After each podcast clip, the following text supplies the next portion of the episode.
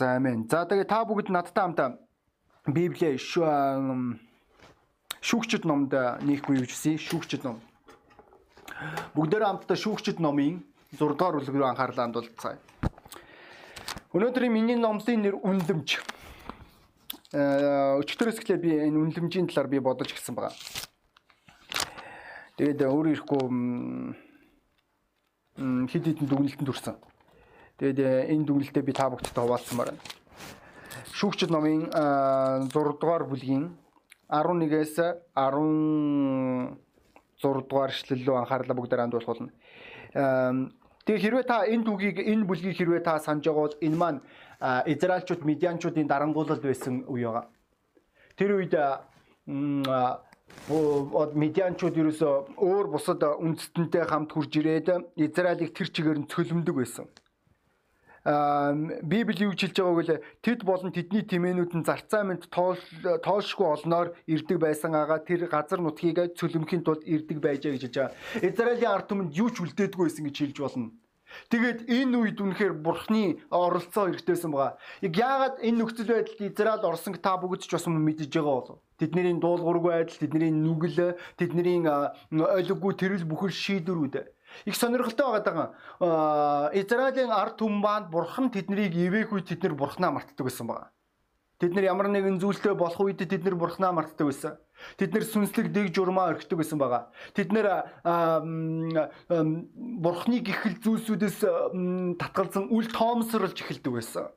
За тэгвэл яг энэ үед бурхан Гидеон гэдэг эрэгтэй амьдрал төрж ирж байгаа. За тэгээ бүгдээр хамтаа уншицгаая. 11-ээс 16. Абезри хүн Йошин эзэмшил Офродох сарс модны дор эзний тэнгэр илч илч ирж суув. Тэр үед Йошин хөвгүн Гидеон Медианчуудаас нуун авч үлдэхийн тулд буудагаан усан үзмийн шахуурга дотор цайруулж байв. Эзний тэнгэрэлч түнд үзэгдэн эрэлхэх хүчит дайчин минь. Эзэн чамтай хамт байна гэсэнд Гидеон хариудна.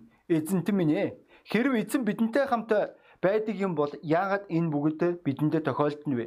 Мөн бидний өвөг дээдс эзний эзэн биднийг удирдан Египтээс авчирсан гэж бидэнд хуучилсан тэр бүх гайхамшгүй хаан байна вэ? Харин одоо биднийг эзэн орхиж Медианы гарт өгчөө гэхэд эзэн түүнд чи өөрийн хүчээр явж Израилийг Медианы гараас аврагтун. Би чамааг илгээж байгаа босуу гэв.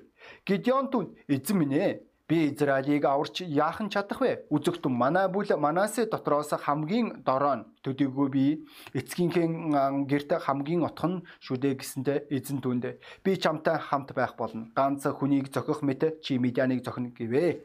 За энэ чи бид нэр маш сонирхолтой түүхийг энэ чи бид нэр харж байгаа. Тэнгэрийн элч бурхан түүнд тэнгэр элчээр дамжуулан энэ Гидеонд үнлэмжийн талаар өгүүлж байгаа. Тэгээ үнлэмжийн талаар ярихаас өмнө өнөөдөр бид нэр үнлэмжийн нэг хэсгийг зайлшгүй бодох хэрэгтэй болов. Олонхын бодол. Өнөөдөр энэ үг маань яа харахгүй таныг тодорхой нэг зүйлийг төсөөлөн бодоход хүрэж байгаа бол тийм үү? Магадгүй хин нэгэнд гашуун дурсамж ч үж болох юм. Бид нэр олонхын бодлоос айдаг, имээдэг нийгэмд бид нэр амьдарч байгаа. Тэгэд мөн бид нэр олонхын нэг хэсэг байхыг хүсдэг бүр гонигтай харамсалтай зүйл нь яг юунд оршдог вэ гэвэл олон хэрвээ хандаж л байвал энэ маань зөв гэж бодох тийм сэтгэлгээч хүртлээ хүмүүсийн дунд байгаа. Өнөөдөр таны одоо итгэлийн амьдралчин олонхын бодол биш гэдгийг та бас мөн ойлгож байгаа болов.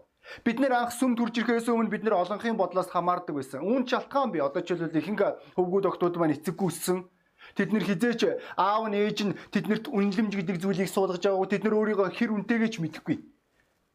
Мөн өөр нэг асуудлын үг бол байнгын үнэтэй холбогдуулан дутуугийн мэдрэмж байгаад байгаа. Энэ маань сэтгцийн бас нэг өөр нэг асуудал гэдгийг та бүгд ойлгож байна. Тэг үргэлж бидний биднийг энэ найдас биднийг дагаж байсан. Бусад хүмүүс миний талаар юу гэж бодох болоо? Нэрээ бодох үзэл гих мэтлэн зүйлсүүд.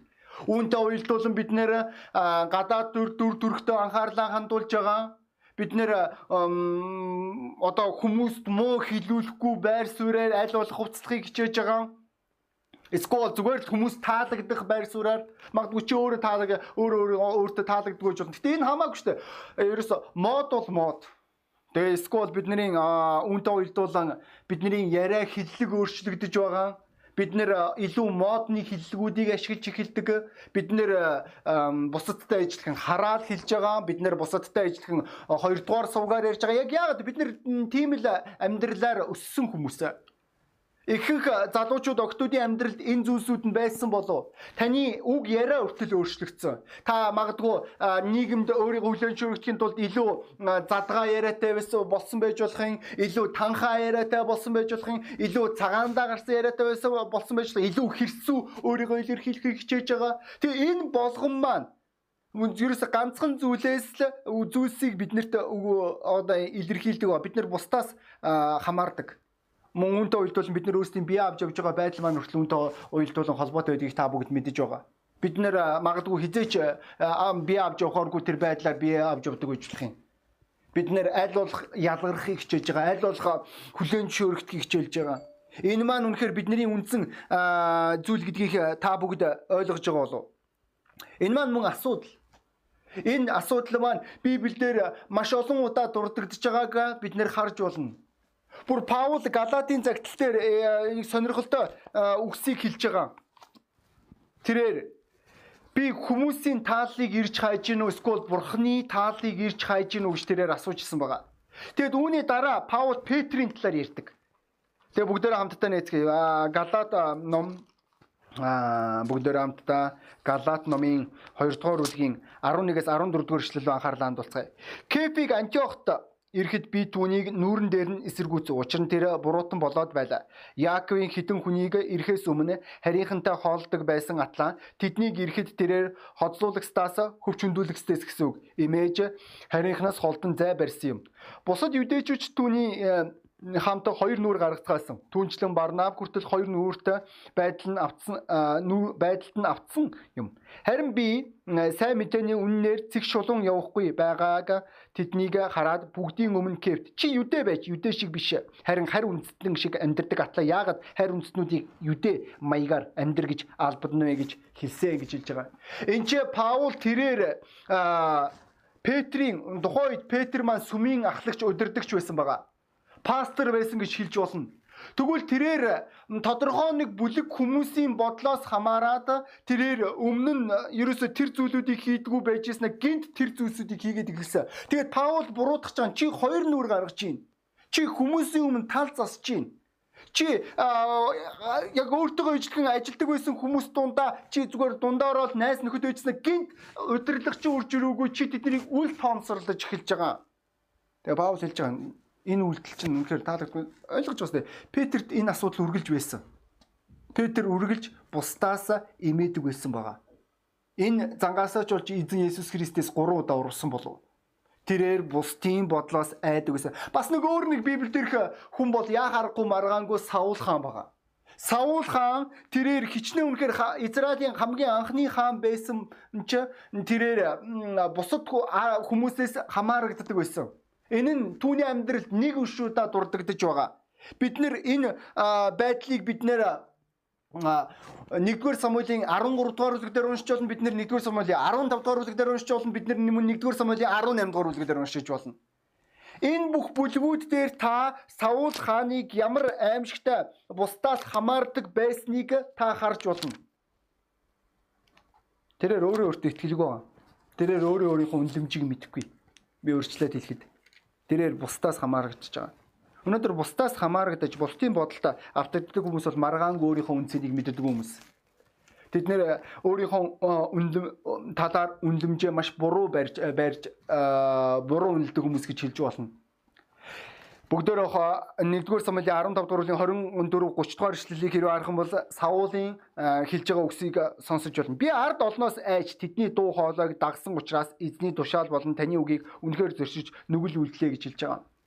Тэгээд Саул Самуэль гэдэг иш үзүүлэгч тухайн үеийн иш үзүүлэгч нь Саулт гэдэг хаанд хэлэхдээ чи үнэхээр нүгэл үлдсэн чи бусдад таалагдах гэж амьдрсан болохоос чи бурхан таалагдах гэж амьдраагүй Чи энэ нийгэмд хүлээж шүрэгдэхийг хүссэн боловч чи гэхдээ хизээч энэ нийгмийнх байж чадахгүй. Э чи үүнийг ойлгохгүй байгаа. Гэхдээ яг чи энэ шалтгааны улмаас чи бусдад таалагдах энэ хүслээсээ болж өөрийн хаанчлаа алдж байгаа талаараа иш үзүүлэгч түнд хэлж байгаа. Үүний дараа их сонин зүйлийг Саул маань хэлж байгаа. Би нүгэл үлдэг гэвч одоо миний ард олны ахмадууд ба Израилийн өмнө намайг хүндэлж надтай хамт буцаж буцаж эзэн бурханд мөргөл мөргүүлж өгнө үү гэж гуйваа гэж хэлж байгаа. Энд чи харж байна уу? Энд чи иш үзүүлэгч Саулд хандаад хэлж байгаа. Үгүй залуу минь чи өөрийн хувь тавилангаа алдчихад байна. Тэгсэн ч гэсэн тэрээр өөрийнхөө байр суурин дээр зогссоор байгаа. Би пастрын үед ийм итгэгч нарын пастор зэнтэн чи бодож эхэлж байгаа үгүй залуу минь чи ертөнцийн хэв загвараар амьдрснараа чи ертөнцид таалагдах гэж амьдрснараа чи өөрийн итгэлээ алж гин чи өөрийн авралаа алж гин чи өөрийн үр хөвгтөө устгах гин. Оо хамаахгүй ерөөсөө хамаахгүй надад ерөөсөө ямар ч хамаахгүй би надад өөр сонголт алга.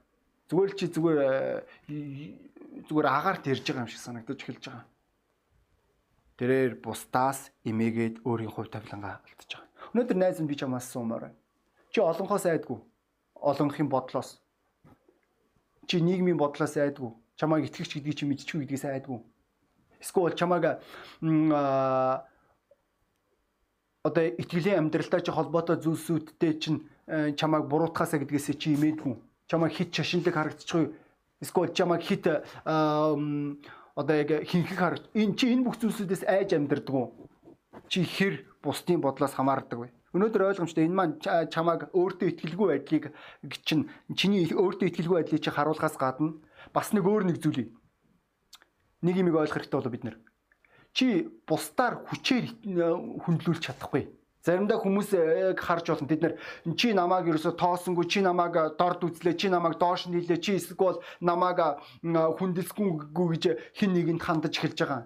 Тэгвэл бодит байдлыг юунд оршиж байгаа үгүй л хэрвээ чамд үнэхээр хүндлэхээр зан характер байхгүй бол хэрвээ хүндлэхээр үйлдэл байхгүй бол хэрвээ хүндлэхээр үгс чиний амнаас гардггүй бол хинч чамаа хүндлэхгүй. Ойлго. Бүр цайны үйлчлэл дээр анхны сүм нэр хүнд бүхий хүмүүсийг тавьж исэн. Яагаад яад бол нэр хүнд бүхий эргэлзээтэй багууд нь багнуудын гараас хүмүүс хоол идэхгүй учраас. Өнөөдөр заримдаа энэ өрөөсгөл энэ ойлголт маань итгэгч нарын оюун бодлыг дүүргээ тэгээд тэд нэр амьдралд гомдож амьдардаг байгаа. Өнөөдөр найз нь ойлгох хэрэгтэй бол хэрвээ чи бусдын бодлоос хамаарч амьдрал өөрийн хувь тавилангаа алдна. Өөрийн амьдралаа үгүй Чи хизээч эрх чөлөө гэдэг зүйлийг мэдэхгүй. Чи хизээч баяр хөөр гэдэг зүйлийг жигнэсээ ойлгож чадахгүй. Бусад хүмүүс юу гэж хэлэх чиний хувьд чухал байх болно. Чи тэдний амьдрал хүссэн амьдралаар амьдрах болохоос чи хизээч өөрийн амьдралаар амьдрахгүй. Тэгвэл өнөөдөр энэ орой э, сонголт чамд. За хоёрдугаарт өнөөдөр бид нэр өөрсдийнхөө талаар үнэлдэг хоёр нэг туйлширлын талаар ярмаар. Тийм үнэхээр магадгүй үнэхээр та өөрөө өөрийнхөө үнцнийг мэддэг байж болох юм. Гэхдээ ямар нэгэн байдлаар энэ хоёр үнцгийн аль нэгэнд нь та хамаарагдаж байгаа. Бидний нэшлэл дээр Гидеон тэрээр э, хэлж байгаа. Өө ийм байсан, тийм байсан гэж ярьж байгаа. Тэрээр бахархангуу тэр түүхүүдийг дурдан өгүүлж байгаа. Тэгээ яахаараа ийм байж иж ийм байгаад байгаа юм гээд. Мөн энэ л зүйлсүүдийг бид нэр 15 нөхөртэй байсан маш муу нэртэй байсан тэр эмэгтэй амнаас Йохан номын 4-р бүлгээс уншиж болно. Энэ нь юу гэсэн үг вэ? Нэг бол бид нөр өөрөө өөрсдийнхээ талаар хит өндөр үнэлэмжтэй байдаг. Энэ шалтгаан бол бид нэр хүмүүсээс үг сонсож чаддаггүй. Бид нэр энэ шалтгаан бол бид нэр өөрсдийнхөө дутагдлыг хүлээн зөвшөөрөх дурггүй. Бид нэр өөрсдийнхөө сул талыг э, нүдэн балаа чихэн дүлий царайдаг. Ялангуяа чиний нүүрлүүж гашин үнний чин хэрвээ чам руу хэлэх юм бол чи тэр хүнийг үзэн ядахад алхад бэлэн байх болно. Яг яагаад яагаад бид нэр өөрсдийнхөө талаар дэндүү өндөр үнэлэмжтэй учраас Бид нэр өөрөө өөрсдийнхээ талаар хитрхи өндөр үнэлэмжтэй байх үед бидний хувьд хүмүүс чухал ш болж хувирна. Бидний хувьд бурхан чухал ш болж болно. Хувирна. Энэ шалтгаанаар хүмүүс өөрөө өөрийгөө шүтдэг болов. Нөө өөрөө өөрийгөө нэгдүгээр тавьдаг болов. Тэгээд тэр хүмүүс маань бусдыг дор тэр хүмүүс хүнд үйлчилж чадахгүй байгаа. Хүмүүст үйлчилж чадахгүй бурханд үйлчилж чадахгүй. Бурханд итгэж чадахгүй. Бурханы бурханд итгэх итгэлийн амьдралаар амьдрч чадахгүй. Яг яагаад яагаад тэр хүмүүс маань өөрсдийнхөө талаар үргэлж дээгүүр бодолтой. Би тэр би энэ итгэгчийг бодох юм бол эсвэл би тэр хүнийг бодох юм бол хамаагүй дээрээ. Писта хаа очиж дээр шүү. Би энэ хүнийг бодох юм бол хамаагүй ухаантай. Энэ хүнийг бодох юм бол хамаагүй эрүүл Энэ хүнийг бодох юм бол би тийм юм. Бид нэр энэ дүүгүүдийг бид нэр Библиэс өчнөөнийг харж болно. Хамгийн тод жишээ бол Каин байгаа. Библи хэлэхдээ бурхан Абелийн өргөлийг хүлээж аваад Каины өргөлийг хүлээгүү. Тэрнээс болж тэр асар гонсоож уурлаж уцаарлсан байгаа. Энэ нь маш олон итгэгч нарын зураглыг харуулж байгаа. Тэгвэл Абель хэн байлаа? Абель Каины дүү шүү дээ, төрсөн дүү. Ка Каин үргэлж ах тэрээр гэр бүлдээ илүү их найдрыг өгдөг, илүү их хариуцлагыг оногдуулдаг. Харин дүү нь хин юм бэ? Тэгсэн чинь гинт бурхан дүүгийн тоож эхэлж байгаа дүүгийн хүлээн ширж эхэлж байгаа. Тэр үед Каин байд суухын аргагүй байдалд орсон байгаа. Заримдаа энэ зураглыг би итгэгч нарын амьдралаас хардаг.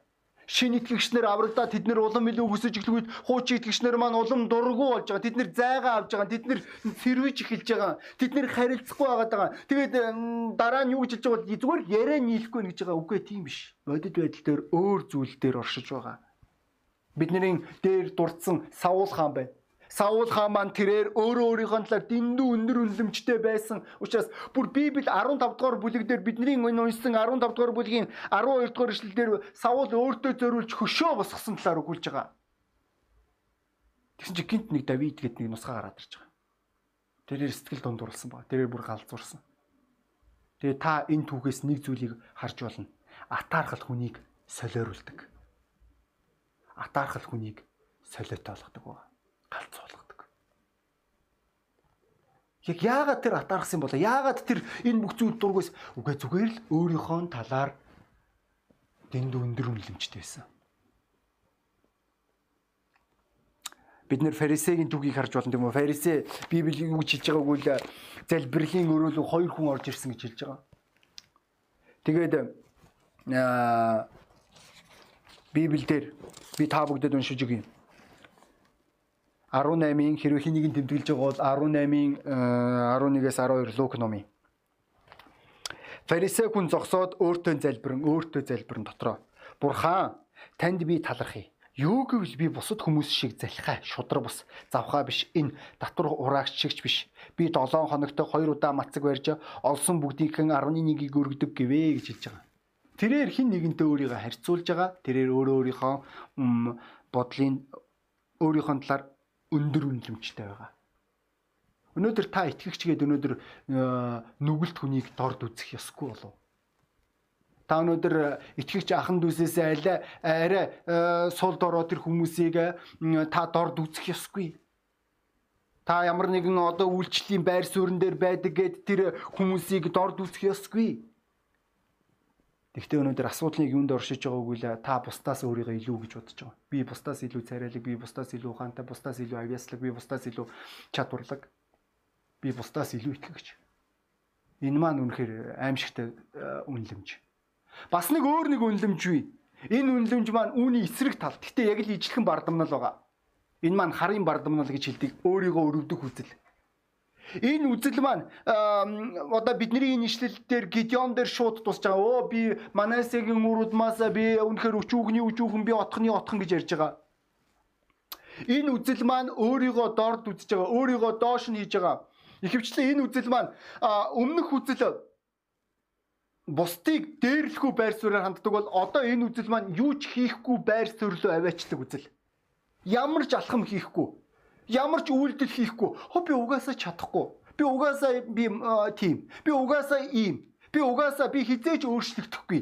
Би хизээч өгөөмөр болохгүй. Би хизээч атаархаа болохгүй. Би хизээч одоо олиггүй бодохоо болохгүй. Би хизээч хизээч би угаасаа нэг ийм өрөвдөлтөй ийм хэцүү хүн байгаад байна да. Одоо яалтач үлээ дээ. Яг бодит байдал дээр аваад үзэх юм бол энэ хүмүүс зүгээр хүсэхгүй гэдэг ойлголтон дээр оршиж байгаа. Тэрнээс бол чадахгүй дээр биш. Асуудал нь э, энэ хүмүүс өөрсдийнхөө талаар хитрхи дорд үзсний улмаас э, энэ хүмүүс мөн хүмүүстэй хандах хандлаган дээр эрүүл биш хандлагаар хандаж мөн нөгөө талаас бурхан хандах хандлаган дээр асар гажиг хандлагаар хандаж эхэлж байгаа. Э, энэ хүмүүс ялгаагүй өмнөх хүн бурхны дуулааг мөн хүмүүсийн дуулааг сонсохгүйсэн бол одоо энэ хүн ч гэсэн хүмүүсийн дуулааг бурхны дуулааг сонсохгүй үнэндээ бол Бид нэр Библиэлд хамгийн тод жишээ бол Моисег санаж болно. Моисе хэлж байгаа эзэн минь өөр хэнийг нэг явуулаач. Би бөөрөнгийн хэлтэй. Би явж чадахгүй. Би ийм, би тийм. Эсвэл бид нэр ийлэ дахилчийг хар ийлэ иш үзүүлэгчийг харж болно тийм үү? Тэрээр өөрийн үр жимсээ орхиод тэрээр арц модны дор тэрээр өөрийгөө өрөвдөж эм орж суусан байгаа. Тэгээ тэрээр залбирахтай байж байгаа. Үнэхээр эзэн минь би одоо өхмээр байна. Би өвөгдөө эцэс нэг илүүдэ гарах юм надад юу ч байхгүй. Энэ хүн өмнө нь цагийн сайхан гайхамшигыг үтээж түүний амьдралд хэний ч хийгээгүй тэр вирусын аимшигтай сүр сүрдмээр тэр зүйлийг хийчихэд байхад энэ хүн өөрийнхөө талаар ингэж үнэлж байгаа. Би итгэлтэй байна. Маш олон итгэгч нар ядахта ийл шиг байхыг хүсдэг. Ядахта биш те яг үнэндээ бол. Эн чинь бүр амар хүн байгаа. Үнэхээр мундаг хүн байгаа. Ямар ч итгэгч тийм зүйлийг хийж чадхааргүй. Тэгвэл энэ хүн өөрийнхөө талаар асар доогуур үнэлэмжтэй байгаа. Тэгвэл асуудал өнөөдөр үнэлэмжинд биш болж таарах нь. Асуудал одоо а одоо нөхцөл байдалд биш болж таарах нь. Асуудал бидний эрүүл биш үнэлэмжинд оршиж байгаа. Үнэлэх буруу гэж би хэлээд байгаа юм шүү. Энэ шалтгаанаас асуудал үнэлэмжинд байхгүй байгаа гэж яриад байгаа. Өнөөдөр бид нөр өөрийгөө үнэлэх хэрэгтэй. Би үүний эсрэг ерөөсөө биш. Тэгвэл асуудлыг юунд оршиж байгааг бид нэр буруу үнэлдэгт оршиж байгаа. Энэ шалтгааны улмаас бидний итгэлийн амьдралын залбирал маань өөрчлөгдөж байгаа. Энэ шалтгааны улмаас бидний бурхан тандах хандлага маань өөрчлөгдөж байгаа. Бидний энэ шалтгааны улмаас бидний бусад хүмүүст хандах хандлага маань өөрчлөгдөж байгаа. Өнөөдөр итгэгч найз минь өнөөдөр та энэ газар байгаад та хиндэж залгах танд итгэгч байхгүй байгаа бол та ойлго. Энэ асуудал танд байна. Энэ хоёрын аль нэг нь Хинч нам намайг хайрлахгүй эсвэл би яахаараа харилцдаг гэдэг энэ хоёр үзэл. Би яахаараа хүмүүс рүү залгадаг юм. Би яахаараа тэгэх ёстой юм. Өнөөдөр өөрийгөө ойлгохгүй энэ байр суурь маань ойлгож чинь тухайн үед бидний нэшлэл дээр байгаа энэ Гидеон маань тэрээр өөрөө өөрийгөө ойлгож байгаа гэж бодож исэн байгаа. Тэрээр нөхцөл байдлыг хамгийн эрүүлэр дүгнэж гин гэж хэлж байгаа. Тэрээр тэр тэнгэрийн элчтэй маргалдаж эхэлж байгаа. Үгүй үгүй тийм юм байхгүй. Би ерөөсөө тэгж бодохгүй байгаад байна. Миний бодлоор ийм зүйл гарч ирээд байна. Үгүй үгүй та буруу үнлүүгээ хүрээд ирчиж. Танд ийм бодол орж ирж ирсэн үү? Үнэхээр бурхан таныг шал дэмий аварсан юм шиг. Бурхан хэрэггүй нэ аварсан юм шиг. Тэгжээс таны хамаатангийн эсвэл таны одоо яг эгч дүүсийн тэрийг аварцвал тэр танаас илүү авиаслаг тэр танаас илүү чадварлаг тэр танаас илүү ойлгон ойлголттой ойлголттой байх эсвэл нэр хүндтэй байх байсан та тэгсэн чинь зүгээр нэг энэ байгалийн одоо алдаа тийм үү та энэ амьдралын асуудал таныг бурхан буруу сонгосон юм шиг санагдаж эхэлж байгаа. Гэтэл яг л энэ үзэл бодлоор хандж байгаа үгүй эзэн тийм юм байхгүй шүү. Би өөрийнхөө талаар би өөрийгөө мэднэ. Гэхдээ тэр өөрийнхөө талаар маш буруу үнэлэмжтэй хандсан ба. Тэгвэл өнөөдөр найз минь би өнөөдөр энэ бүх номлолд нэг зүйлийг таныг ойлгосоо гэж хүсэж байна. Бурхан таны талаар жинхэнэ үнэлэмжийг чинь тодорхойлдог. Бурхан хэлж байгаа эрлэхийг дайчин минь. Тэрээр тухайн үед үнэхээр тийм юм харагдаагүй шүү дээ. Харж байна Бурханы таны талаар үнэлдэг үнэлэмж дандаа ирээдүй цаг руу шигэлдэг. Ирээдүй цаг руу одоо байгаа тэр нөхцөл байдал руу ш. Одоо байгаагаар бол энэ баясаа гэдэг пастор бол хинч биш штэ. Гэхдээ би итгэж чинь бурхан. Би хэрвээ бурханд итгэмжтэй үнэнч байх үед би баруун зүүн тишээ хазаахгүй байх үед бурхан миний амьдралаар дамжуулан хэдэн мянган хүмүүсийн амьдралд хүрнэ гэдэгт би итгэж байна. Гэхдээ энэ нь надад харагдахгүй байгаа. Өнөөдөр энэ эрүүл үнэлэмжийн талаар ярьж байгаа. Гэхдээ энэ үнэлэмж бий болохоос өмнө бид нэр хоёр зүйлийг ойлгох хэрэгтэй бол нэгдүгээрт найз нь ойлго. Бурхан чиний талаар жинхэнэ үнэлэмжийг буюу чиний чадамжийг бурхан тодорхойлдог. Бурхан Гидеоны чадамжийг мэдчихсэн байгаа. Бурхан ямар агуу зүйлийг Гидеон хийхийг тэрээр мэдчихсэн түүнд ямар чадамж потенциал байгааг ойлгож ирсэн. Өнөөдөр итгэгч найз минь намайг сонсож байгаа найз минь анхаарлаа хандуул чамд бурхан ямар чадамж байгааг мэднэ. Тэр зүйлийг чинь бурхан ашиглахыг хүсэж байгаа. Бусад хүмүүсийн авралт. Нэгэн цагт манай Монголд тодорхойлох юм бол 10 хэдэн жилийн өмнө 15 жилийн өмнө Овцоров гэдэг нэг хүн хурж ирсэн байгаа. Энэ хүн маань манай Монголын хэмжүүрээр авч юм бол мөн тосхноос гаралтай, сумаас гаралтай, нилээн бүдүүлэг, нилээн одоо зөрүүдүү, нилээн мойногдүү нөхөр. Гэхдээ тэр хүн энэ газар хурж ирээд хүмүүсийн амьдралд хүрсэн. Миний ойлгож байгаагаар тэр хүний байсан тэр чадамжууд нь энэ Монгол илэрсэн байгаа. Бурхан тэр хүнээр дамжуулж олон хүмүүсийг аварсан. Өнөөдөр та аврагдсан хүмүүсийн нэг нь. Бурхан тэр залууд чадамжийг харж исэн.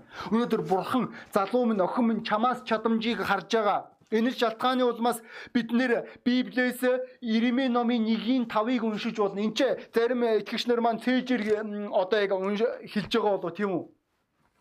Тэгвэл энд ч би та бүхэнд мэддэггүй итгэгчнэрд нь уншиж өгмөр байна. Иремийн 1-ийн 5 Ихийн хөвлөд чамайг бүрэлдэхээс өмнө би чамайг мэдэж байсан. Төрхөөс чинь өмнө би чамайг ариусгаж, үндэснүүдэд иш үзүүлэгч болгон чамайг томилсон гэж хэлж байгаа. Энд чи эзэн бурхан хэлэхдээ би чамайг анх ихийн хөвлөд байх тэр мөчөөс чинь эхлээд би чиний төлөө ямар төлөвлөгөөтэйгөө би мэдэж исэн. Чамайг ямар чадамж байгааг би ойлгож исэн байгаа. Чи юу хийж чадахыг чинь ч хүртэл би мэдэж исэн. Өнөөдөр энэ маань гайхалтай биш үү? Өнөөдрийн бидний ирээдүйд хандах тэр үнлэмжийн талаарх ойлголт. Игч биш багч биш яг дундын. Тэгэд энэ хувь тавиланг энэ үнлэмжийг өөрөө өөрийнхөө амьдралд олж авахын тулд итгэгч найз минь одоо хоёр дахь зүйл хэрэгтэй юу эгвэл бурханд найдаж сур. Гидеоны одоо хийх ёстой зүйл нь тийм ээ үнэхээр тэр гайхалтай эргэлзээний тест хийсэн тийм үү. Гэхдээ тэрээр 100% бурханд найдах ёстой байсан байна. Үүнгүүгээр боломж байгаагүй. Үүнгүүгээр найдвар байгаагүй. Өнөөдөр итгэгч найз минь чамд чсэн найдвар байхгүй. Хэрвээ чи бурханд найдаж сурахгүй бол хэрвээ чи энэ үгийн үгэнд итгэж сурахгүй бол чамд найдвар байхгүй. Хичнээн чамд чадамж, хичнээн чамд боломж байсан ч гэсэн чи зүгээр энэ амьдралыг зүгээр хүү хэрэггүй өнгөрөн. Өнөөдөр бид нөр өөр өөрсдийнхээ талаар ойлгох хэрэгтэй болов. Иремегийн номнон дээр дээр хичлэл байдаг Зүрх гэдэг бүхнээс илүү хуурамч эдгэршгүй өвчтэй хэн үүнийг ойлгож чадах вүлээ? Эзэн би зүрхийг эрэлхийж цээж доторхыг шалгадаг нь хүн бүр замуудынхын дагуу үлсийнх нь үр дүнгийн дагуу өгөхийн тул юм а гэж энэ Библи хэлж байгаа. Библи хэлэхдээ хүний зүрх хуурмаг найз минь мэдрэмж чинь чамайг хуурна. Энэ бол ойлгомжтой баримт. Чиний бодол чинь чамайг хуурж болно. Чи үнэхээр л өөрийгөө өөрийнхөө талаар үнэхээр мэддэг байсан бол хизээч чи энэ амьдралаар ингэж амьдрахгүй байсан болов. Тэгвэл Библи хэлэхдээ би эзэн чиний талаар би бүх юмыг мэднэ. Чиний зүрхийг би мэднэ. Чиний дотор юу байдгийг би мэднэ. Энэ шалтгааны улмаас бидний ишлэлдээ ишлэлдэр би эзэн Гидеонд ирлэх баатар минь гэж хэлсэн болов. Тухайн үед Гидеон баатар харагдаг биш бүр эсрэг ишлийг уншиж байгаа. Медианчуудаас нуугдаа тэрээр усан үзмийн шахуурган дотор тэрээр гурил буудаа цайруулж исэн талаар бид нэр уншиж байгаа. Нэг юм голчгор баг ил уншиж байгаа. Зүгээр хүн болгоны хийх ёстой байсан зүйлүүдийг хийж байгаа тэрээр. Хувээчж байгаа. Тэгвэл бурхан өөр чадамжийг харж ирсэн байна. Тэгээд Гидеон энэ зүйлд итгэсэн. Өнөөдөр найз минь би хэлье. Бурхан чиний талаар үнлэмжийг мэд мөн өөрөө өөрийнхөө талаар үнлэмжин дээр нэг юмыг тогтоо. Хит битгий өөрийнхөө талаар өндөр бод өөрийнхөө хэмжээг мэдчихий гэсэн үг. Энэ шалтгаанаар э, сургаалт үгсдэр нэг гайхалтай ишлэл байдаг. Би энэ ишлэлд үнэхээр дуртай. Би та бүгдийг надтай хамт нэгсэ гэж хүсэж байна хамгийн сүүлд нь. Энд чи э, сургаалт үгс 30 дугаар бүлгийн 7-оос 9 дугаар ишлэлдэр хоёр зүйлийг би танаас гуйж байна. Харин намайг өгөхөөс өмнө надад бүү татгалзаарай. Хоосон хурамгийг худал үгийг надаас хол байлгаач хох ядуурлыг ч баян тарган байдлыг ч надаа надад бүү өгөөч. Хувь минь болох хүнсээр намайг тижээгэж гэж хэлж байгаа. Тэгээ цаашаа стигвэс би элбэг дүүрнийг хүртэж эзэн гэж хий юм бэ гэд няцаж буцах вий дээ. Эсвэл ядуурын хулгай хийж бурхныхаа нэрийг бузарлах вий дээ гэж хэлж байгаа. Энд чи энэ хүн маань энэ хаан маань өөрийнхөө талаар үнлэмжээ мэдж байгаа бурхан минь зүгээр би таны өмнө даруй зүрсгэлээр өөрийн хэмжээнд би өөрийн чадамжиндаа амьдрмаар нь илүүдсэн биш дутсан биш яг гэвэл би энэ хоёр туйлд очих үед би үнэхээр олиггүй хүн болж байгаа учраас Бурхан минь та надад энэ хувь тавилан өгөөч. Би итгэж гин. Бурхан минь та надаар дамжуулж юу хийж чадахад. Өнөөдөр тэгвэл итгэгч найз минь чи өнөөдөр яг ямар шийдвэр гаргах вэ? Өнөөдөр энэ шалтгааны улмаас Паул Галатын номын 1:10 дээр хэлсэн болов би хүмүүсийн бодлыг ирж чаддаггүй. Би бурхны бодол миний номер 1. Яг бол бурхан миний талаар үнэлэмжийг мэднэ. Энэ үнэлэмж бидний итгэлийн амьдралд бий болох үед Бурхан бурханд та 100% найдаж эхлэх тэр мөчөд та хүмүүст эрүүл хандаж эхэлнэ. Мөн эзэн бурхандаа эрүүл хандаж эхэлнэ. Та тэгээ итгэлийн амьдралдаа ялалт байгуулж эхэлнэ гэсэн үг нийтгэгч найз. Тэгээд энэ газар байгаа хүн болгон толгой удаалгаа нүдэнээс гэж хүсэж байна. Хүн болгон толгой удаалгаа нүдэн амтсан байгаа үед би таныг залбираасаа гэж хүсэж байна нийтгэгч найз минь. Би ээлж дараас нь дуудлагуудыг хийх боломжгүй гэдгийг ойлгож байна. Гэхдээ өнөөдөр та энэ орой бурхны өмнө шудраг байхгүй юу? Би энэ орой би таныг бурханд найдаж сураасаа гэж хүсэж байна. Чин сэтгэлээсээ түүнд залбирлыг өргөөсэй гэж хүсэж байна. Амьдралын аль бүсүүд дээр та яг түүнд найдаж чадахгүй байгаа бай. Та амьдралын яг аль бүсүүд дээр та юм болгон дээр өөрийгөө тэгвэл өнөөдөр энэ орой бүх зүйлээ өөрчлөх боломж бий. Тэгэд магадгүй та энэ номлыг анхудаа сонсч иж болох юм. Та магадгүй яг л тэр олонхын бодлоор амьдарч ирсэн нэгэн та бүр энэ амьдралын хохирогч болсон байгаа. Та өөрөө өөрийгөө олж чадаагүй. Та өөрөө өөрийнхөө үнлэмжийн талаар ерөөсөө мэдэхгүй. Та бусдын бодлоос хамаарж амьдардаг. Та өөрөө өөрийнхөө амьдралыг сүрүүлж байгаа. Өнөөдөр хүндрэлт нүгэл дунснаас хойш хүмүүс үргэлж өөрийгөө дутуугаар мэдэрч гисэн. Хүмүүсийн хувьд зөв мэд санагдж байгаа тэр зам маань эцсийн дүнд эргээл нөгөө л нэг алтан загсны үлгэр шиг зүйл рүү аваачиж байгаа. Эцсийн дүнд өнөөдөр хүмүүсийн жинхэнэ мэс чанар, жинхэнэ нүүр царай харагдаж эхэлдэг. Тэгвэл өнөөдөр та энэ газар энэ номлыг сонсож байгаа бол та өөрөө өөртөө итгэлгүй байгаа Та өөрөө өөртөө найдаж чадахгүй ягаад гэвэл та өөрөө өөртөө найдах байтугай та бусад хүмүүс танд найдах тэр бүх сувгуудыг бүгдийг сүрүүлсэн байж болох юм. Та энэ орой танд ямар ч найдваргүй гэдгээ та ойлгож байгаа. Магадгүй бүр танд амьдрах утгач байхгүй байж болох юм. Найдварч байхгүй байгаа. Тэгвэл энэ орой бүх зүйл өөрчлөгдөх боломжтой гэдгийг би танд хэлмээр байна. Учир нь Библи хэлэхдээ эцэж туйлдсан хүнд дарамт үрсэн хүмүүсээ над руу би та нарыг амраая гэж хэлсэн надад ачаагаа өг гэж хэлсэн байгаа. Тэгээд миний ачааг ав. Энэ ачаа маань хөнгөн ачаа. Өнөөдөр бурхан танд туслахыг хүсэж байна. Бурхан энэ өрөө таны амьдралыг бүр мөсөн өөрчилж чадна. 15 жилийн өмнө миний амьдралыг нэгэн цагт өөрчлөх тэр шийдвэртэй ижилхэн зүйлийг би өнөөдөр энэ өрөө танд санал болгож байна энгийн гимшлийн залбирлыг бурхан танд үнэхээр хайртай. Энэ шалтгааны улмаас тэрээр өөрийн цорын ганц хүүгээ таны нүглийн төлөөсийн төлөө, таны амийн төлөө өгсөн. Өнөөдөр Есүс Христийн ачаар та өнөө энэ орой бурхантай эвлэрэх боломжгүй. Би өнөөдөр танд шашин санал болгож байгаа юм биш. Би танд бурхны тусламжийг санал болгож байна. Энэ тусламжийг энэ авралыг олж авахын тулд энгийн гимшлийн залбирал, нүгэлтэнгийн залбирал гэж бид нэр хэлдэг. Залбирал хэрэгтэй. Би тэгээ таныг өнөөдөр чин сэтгэлээсээ залбираасаа гэж хүсэж байна. Та өөрийнхөө амьдралын нөхцөл байдлыг та маш сайн ойлгож байгаа. Өөрөө өөртөө шудраг байхгүй. Та тэгээ дагаа хэлэхгүй юм. Бурхан минь ээ. Есүс Христ миний нүглийн төлөө загалмаа дээр цовдлогдсон гэж хэллээ. Би үүнд итгэж байна. Би таны өмнө нүгэлтэй. Миний нүглийг уучлаач. Миний амьдралд туслаач. Миний амьдралд орооч. Би таны амар амгалан Таны хайр, баяр хөөргийг би мэдэрмээр байна. Та миний нүглийг өөрчилж байгаад баярлаа. Эзэн. Таныг таньж мэдэх боломжийг надад олгоно. Есүс Христийн нэрээр гуйж байна. Аамен.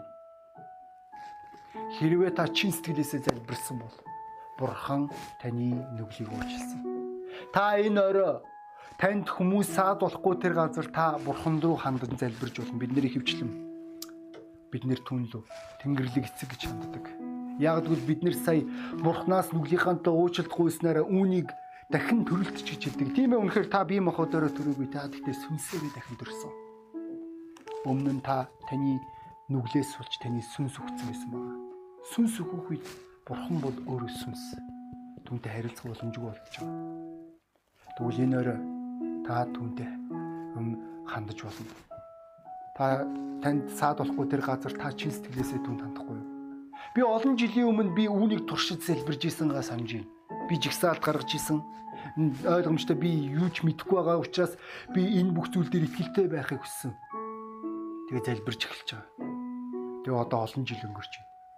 Бурхан хизээч намайг гонсоолгож байгаагүй. Тэр үнэхээр хайрлагч эцэг яг л эцэг жинхэнэ хайрлагч эцэг өнөө хүүхдүүдэд хайдаг гэр бүлээ хайдаг эцэг биш жинхэнэ хайрлагч эцэг хүүхдүүдийнхээ төлөө өөрийн амиа өгдөг шиг өөрийгөө зориулдаг шиг тэрээр танд туслахыг хүсэж байгаа найз минь. Тэгээ манай цуглаан онлайн хэлбэр рүү шилжсэн. Энэ сүм таны сүм байг. Та ваарчны гэр итгэгч болж болно. Та биднэр лөө холбоо өрж болно. Бидний утас байгаа. Бид нэр тантай нөхөрлөгтөө холбоо барихтаа үнэхээр та таах бол найз минь. Тэгээд би эцэст нь итгэгч нар рүү хандмаар итгэгч найз энэ хугацаанд та залбирсан. Энэ хугацаанд та шийдвэр гаргасан. Бурхан таныг юуийг. Тэгээ бүгдөө цуглааны төсгөлд хамтдаа залбирцгаая. Тэнгэрлэг өнөөдрийн номлыг өнөөдрийн энэ цуглааныг ивэсэн танд баярлалаа эзэм таны хайр, ерөөл бидний амьдралд үргэлж байдаг байна эзэм. Та бидний талаар эрүүл үнлэмжийг биднэрт өгч эзэм. Бид нөр өөрсдийнхээ амьдралыг зөвөр үнэлж, зөвөр алхах боломжийг олгож байгаа танд баярлалаа. Есүс Христийн нэрээр. Аамен. За тэгээ ахын дүүсээ зүүмөр холбогдъё. Баярлалаа.